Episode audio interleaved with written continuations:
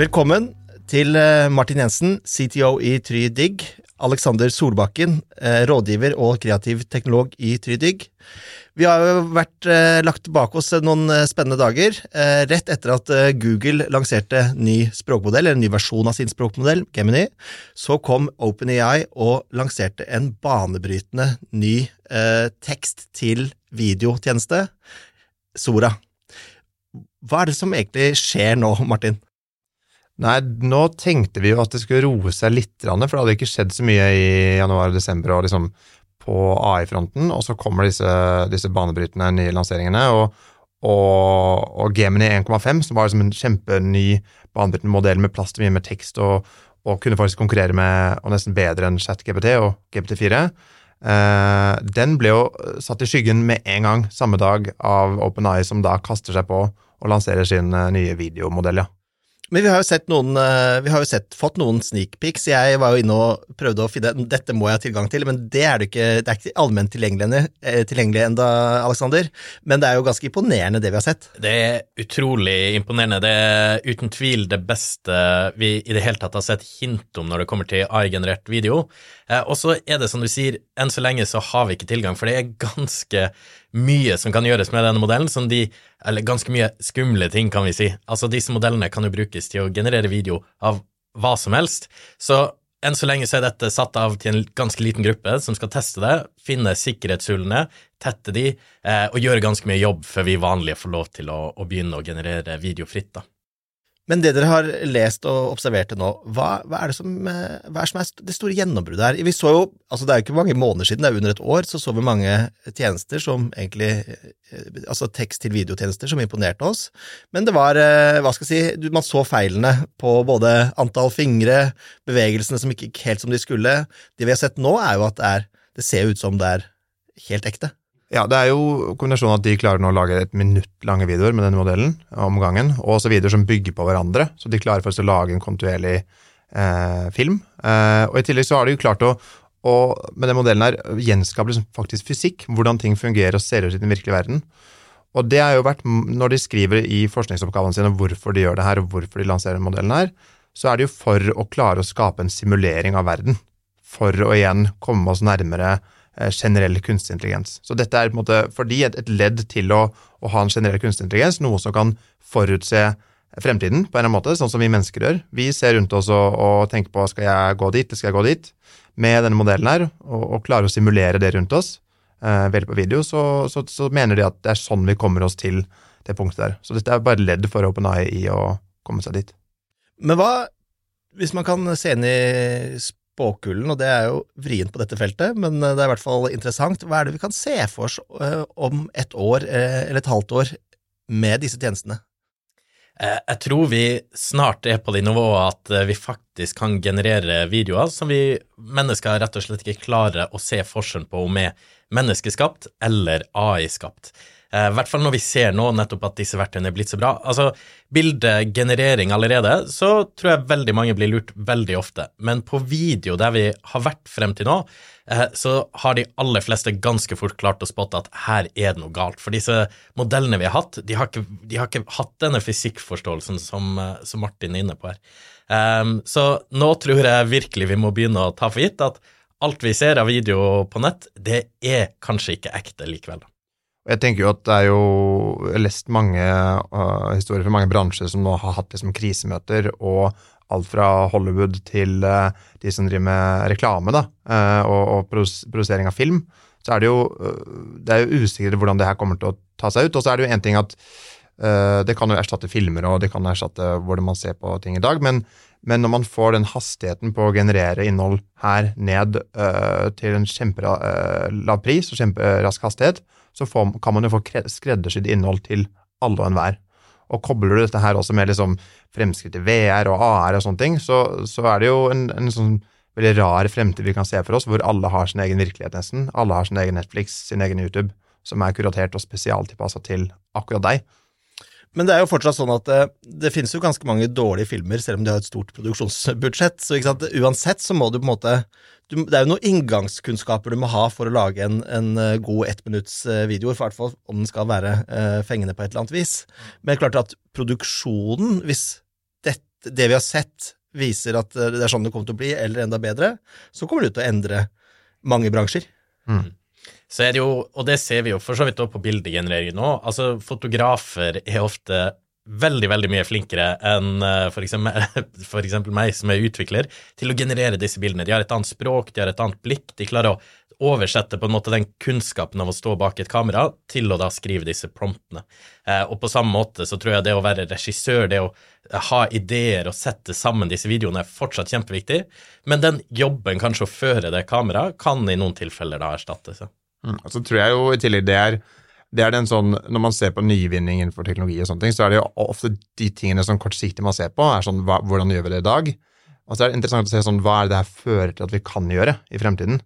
Eh, og se eksempel videospill. da. Eh, det å ha videospill som genererer seg selv framover i tid, eh, hele tiden. Eh, som genererer scener og hva som helst. Det endrer hvordan man lager spill, det kan endre hvordan man eh, driver med robotikk. Se for deg robotstøvsugere nå, som, som må skape liksom en modell og bruke masse tid på å mappe eh, huset ditt, framfor at de kan se for seg eh, De kan lage et bilde og en video av hvordan er det leiligheten skal se ut ren, eh, hvordan ser den ut nå, og så kan måte finne ut ved hjelp av mer tradisjonell maskinlæring og AI hvordan man kommer seg dit.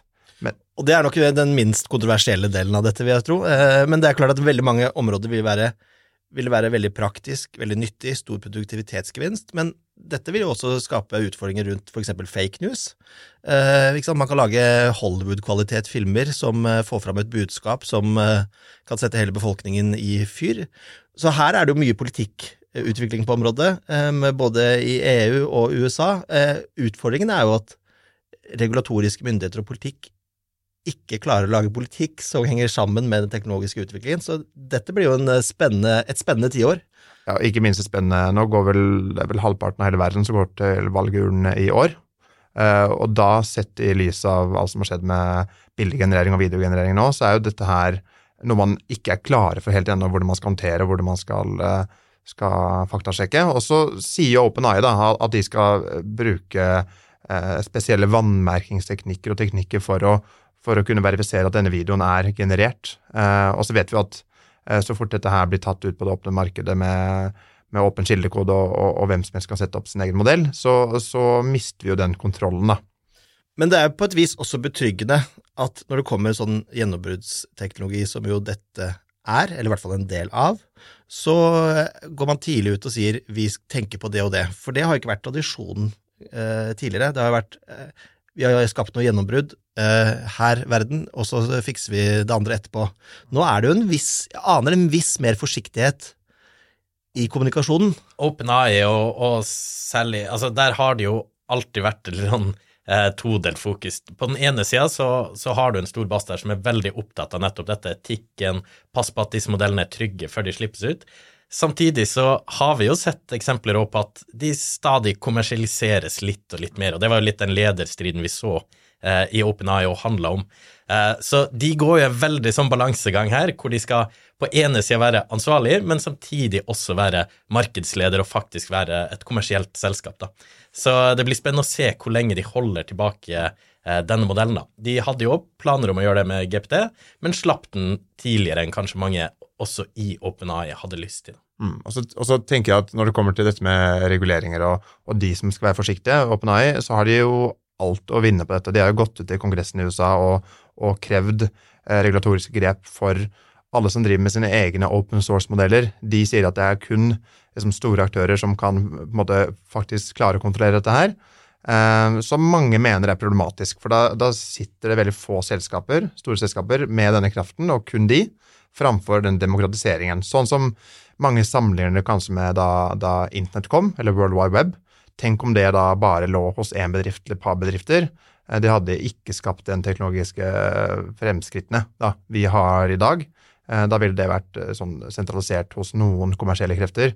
Så dette er jo en sånn Man kan se på akkurat den regulatoriske holdningen OpenAI har på flere måter, men jeg tror de fleste er enig i at man trenger en eller annen form for uh, politiske og regulatoriske uh, krav her da, til hvordan man opererer disse modellene. Og nå har vi eh, levd med dette litt over et år, og så har det jo vært så fantastiske nye ting som har kommet av produkter. Dere jobber jo med både produkt- og tjenesteutvikling, og har jo også vært inne i mange organisasjoner og rådgitt på hvordan man skal håndtere det. Hva er det som er erfaringene eh, så langt? Eller vi kan begynne med produkter først. Vi har jo lansert et par produkter som eh, med viktige AI-komponenter. Eh, du kan si litt først litt om eh, dem, Aleksander? Absolutt. Altså, det handler jo i stor grad om å lage verktøy som, som bedriftene kan bruke for å enten øke effektiviteten eller kvaliteten internt. Så eh, det er alt fra språksjekk og passe, hjelpe de som, som jobber med et brand, og passe på at de skriver og snakker på den måten brandet skal fremstå, altså rett og slett å eh, sjekke tone of voice. Eh, og så har vi også jobba med verktøy for f.eks. bildegenerering, rett og slett for å passe på at man får mer variasjon i de bildene. Vi ser jo at det er et ganske sånn sterkt bias, som man sier, inni mange av disse bildegenereringsmodellene, at eh, de menneskene som genereres, er ganske sånn unaturlig tynne, sterke og vakre, og veldig ofte hvite. Og, så der òg jobber vi med verktøy for å rett og slett ja, få, få, mer mangfold i de karakterene, de menneskene som blir generert, eh, sånn at vi ikke bare ender opp med folk som, som ser ut som eh, prakteksemplarer som er supersterke og, og supertynne. Og så jo, har vi brukt en del på, på steder der eh, puttet som en slags sånn midtpunkt i en eller annen arkitektur eller en eller annen tjeneste, der vi vet litt om hvilket eh, utfall vi ønsker, og så har vi en data på den annen side, men det å, det å på en måte forklare den logikken da, som skal skje inne der, med regler og vanlig programmering, det ville krevd ekstremt mye tid, og det ville vært vanskelig. Der kan vi nå putte inn en språkmotor og, og, beskrive at vi vil at du skal gjøre dette med denne dataen, og så får vi det ut mer eller mindre likt hver gang. Og så er det jo selvfølgelig noen sånne hallusineringer og sånne ting som vi klarer å da skjeve bort eller, eller egentlig ikke vil forringe brukeropplevelsen, for vi har lagd det på en sånn måte som gjør at eh, det likevel går bra. da. Men så er det jo mange eh, som jo ser at verden endres i en enorm hastighet, eh, og tenker i min bedrift eller min organisasjon, hvordan skal vi håndtere dette? Og så finnes det jo ikke noe én fasit eh, på dette. Eh, mitt inntrykk er at eh, i hvert fall byen med kunnskapsbygging, bred kunnskapsbygging, hvorfor det? Det vi i hvert fall ser, er jo at mye av de ferdighetene, når man lærer seg litt å forstå hvordan disse modellene opererer, altså forstå litt overordna om en språkmodell, så er det ikke så nøye akkurat hvilken modell du sitter med. Det er ikke så nøye akkurat hvilken bildegenereringsmodell du sitter med. Eh, veldig mye av den kunnskapen kan du egentlig bruke selv om teknologien blir bedre. Så det har vært liksom prøve å, å hjelpe folk å forstå først og fremst hva er disse verktøyene, når kan du bruke dem, hva kan du bruke de til? er liksom et sånn veldig nyttig sted å starte, for å så eh, da kunne henge med, selv om det kommer stadig nye eh, og mer imponerende modeller. Mm. Og så handler det også om at bare å få dette top of mind. For det er jo i det daglige så, så, glemmer man disse verktøyene. Man gjør jobben som man vanligvis gjør, og man gjør den på en måte som man alltid har gjort. Og, og det å bare huske på at prøv den arbeidsflyten her, da, inne i ChatGPT eller Midjourney eller en av disse verktøyene. Prøv det en gang og så tar det et par ganger, men, men når man har prøvd det noen, eh, noen, ganger, så sitter det. Og da, da, bruker man dette som et arbeidsverktøy på lik linje som mange andre Word Office og sånne ting. da. Og så er det vel sånn at Hvis man lærer en del av de grunnleggende kunnskapene og bruker verktøyene litt, så oppstår det en del ideer. Oi, dette kan vi bruke der og der. Og det er jo veldig stor fordel at det er organisasjoner selv som kommer på. Men det blir en øyeåpner for steder hvor man kan både øke produktiviteten, bli mer innovativ osv. Mm. Ja, det er jo nettopp eh, de som sitter og gjør disse arbeidsoppgavene nå, som kjenner de aller best. Det er jo de som klarer å se alle mulighetene. Jeg og Martin kan eh, godt hjelpe folk å, liksom, eh, å komme med forslag til, til, hvordan de kan effektivisere hverdagen sin, men til syvende og sist så er det jo de som sitter og gjør disse oppgavene og ser oi, her er det potensial for å, å, sette noe ut, her er det noe som faktisk er nødt til å gjøre, for dette klarer ikke en språkmodell å, å ta seg av. Mm. Og, og, ja, og så tror jeg det som er interessant, Vi snakker jo, og vi har alltid egentlig snakket om effektivitet og produktivitet i dette her. Og så har det kommet ut en del forskningsoppgaver og, og research de siste månedene i selskaper som har brukt det her i, i, stor grad. Og det man ser der, er at ja, du får produktivitetsboost og du får mer effektivitet, men du får også høyere kvalitet. Og den, eh, den effektiviteten på liksom kvalitet og, og, heving av det tror jeg ikke man forventet så stor grad som man har sett. At man faktisk får eh, mye høyere output og kvalitetsoutput da, ved å bruke mye av disse verktøyene her.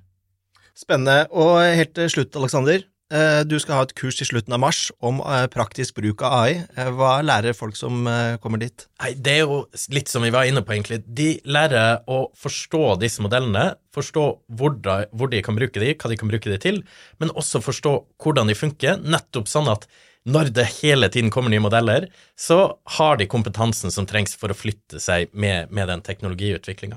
Um, så det er rett og slett en innføring i bredden av AI-teknologi. Alt fra tekst til bilde til video, lyd, uh, og rett og slett bare bli litt kjent med disse verktøyene. Teste de ut på egne arbeidsoppgaver, på egne merkevarer, uh, for å komme i gang og ha alle de verktøyene man trenger for å da komme tilbake på jobb og begynne å bruke disse verktøyene der, da. Tusen takk for at dere kom, eh, Martin og Aleksander. Alltid nyttig å høre på dere.